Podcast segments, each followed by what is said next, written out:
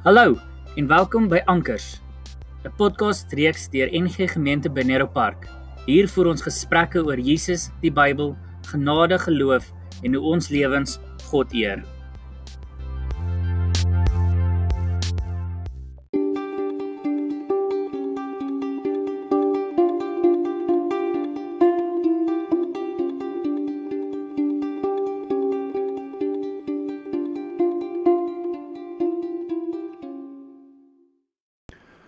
Goeiemôre.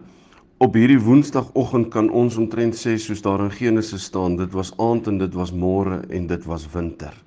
Want die koue is hier met ons en ek hoop elkeen van julle is sommer lekker warm en het al klaar 'n koppie koffie gehad of dalk 'n tweede ene en maak maar net seker jy bly warm vir die res van die dag. Ons lees vir oggend uit 2 Korintiërs hoofstuk 5 uit. Baie baie interessante hoofstuk. Paulus praat hier oor die ewige lewe, die lewe na die dood. Daar's twee dinge wat hy die ewige lewe hierna mee beskryf. Die een kan ons kyk sommer hier in die begin wat hy sê maar ons bly maar in 'n tent, 'n tydelike woning en wanneer ons uh, die ewige lewe ingaan, is dit permanent.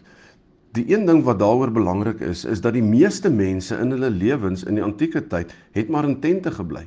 Baie van hierdie was nomadiese mense gewees wat rondgetrek het agter weiding vir hulle vee aan. So hulle het verstaan, 'n tent slaan jy op, môre slaan jy hom af en dan trek jy weer 'n ent en dan bly jy vir 'n dag of 2, 3 of 'n week of hoe lank ook al op 'n plek. Slaan hom weer op, tentpenne uit die grond uit en dan gaan kap jy die tentpenne maar weer op 'n ander plek in.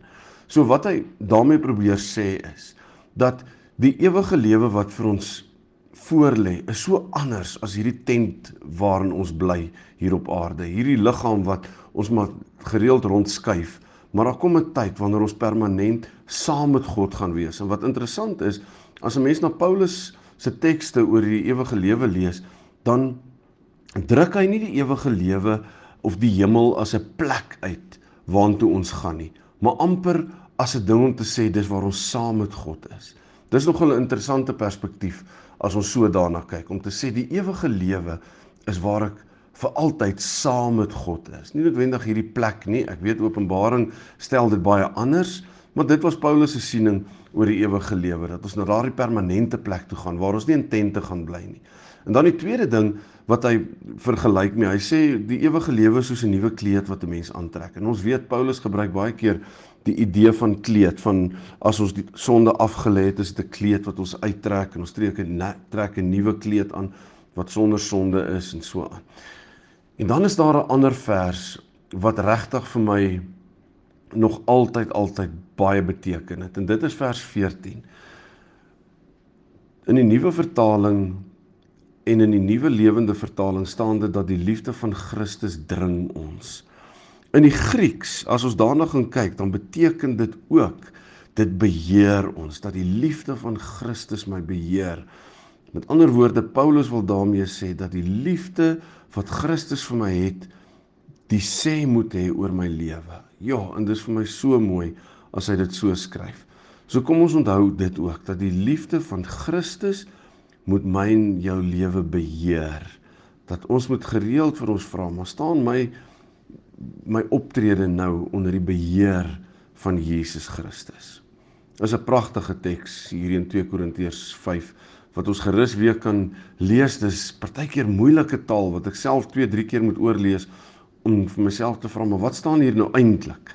So dis 'n teks wat baie uitdagings aan ons stel in terme van die interpretasie, maar die mooi ding daar is dat ons vir ewig saam met God gaan wees in die lewe hierna en dat Jesus Christus se liefde ons gedrag bepaal. Ehm um, dit beheer ons. Ek het ver oggend sommer net 'n behoefte om vir almal wat alleen is, um en nie saam met iemand is nie, wat alleen in 'n woonstel of 'n blyplek is, net te sê baie baie sterk. Ons dink aan elke ene. Ons hoor dat mense stoei met die alleenheid. Um maar ek wil regtig net vir julle sê baie baie sterkte. Um ons het nou gisteraand gehoor oor die 50 mense wat kan kerk toe gaan. Daar's nou 'n ander ding ook dat Ekurhuleni waarskynlik nog op vlak 4 gaan bly, so ons weet nie wat vir ons voorlê in terme van eredienste en sulke goed nie, maar ons sal dit bekend maak sodra ons ook weet. Kom ons bid saam. Hemelse Vader, ons wil ver oggend vir U kom dankie sê dat ons kan weet dat u liefde ons dring en dat ons optrede deur die liefde van Jesus Christus beheer moet wees. En ons gee ver oggend ons ons hande en ons mond en ons ore en ons oë en ons voete en alles gee ons weer oor um vir u diens, vir u beheer. Dis so groot wens van ons dat ons in alles wat ons doen kan sê maar die liefde van Jesus Christus beheer my. Alles wat ek doen is Jesus Christus want ek verteenwoordig hom op aarde. Vader, ek wil ver oggend bid vir almal wat alleen is. Wat nie kontak moet maak mag maak met ander mense nie. Ek dink sommer net aan plekke herfsland en so aan waar mense nie mag kom kuier nie. Hulle mag nie uitgaan nie. Dit is so moeilik vir oupas en oumas wat lanklaas hulle kinders en kleinkinders gesien het al praat hulle met hulle oor die telefoon. Ag Here, dit is so moeilik. En ek bid net dat hulle op hierdie oomblik u teenwoordigheid kan ervaar, dat hulle altyd sal weet ek is nie alleen nie. Ek is nie alleen nie. Dankie dat ons weet u is altyd goeie en minder goeie tye is U by ons. Amen. Ek wil vir oggend sommer net mee afsluit te ding. As jy alleen voel, kry jy jou kers om aan te steek. En elke oggend as jy alleen voel of wanneer jy opstaan of so steek daai kers aan en sê maak is nie alleen nie want hierdie kers is net iets wat my kan herinner daaraan dat God saam met my is. Dat God ons nooit begewe of verlaat nie. Dat daai kers sê vir my, ek moet net onthou ek is nie alleen nie.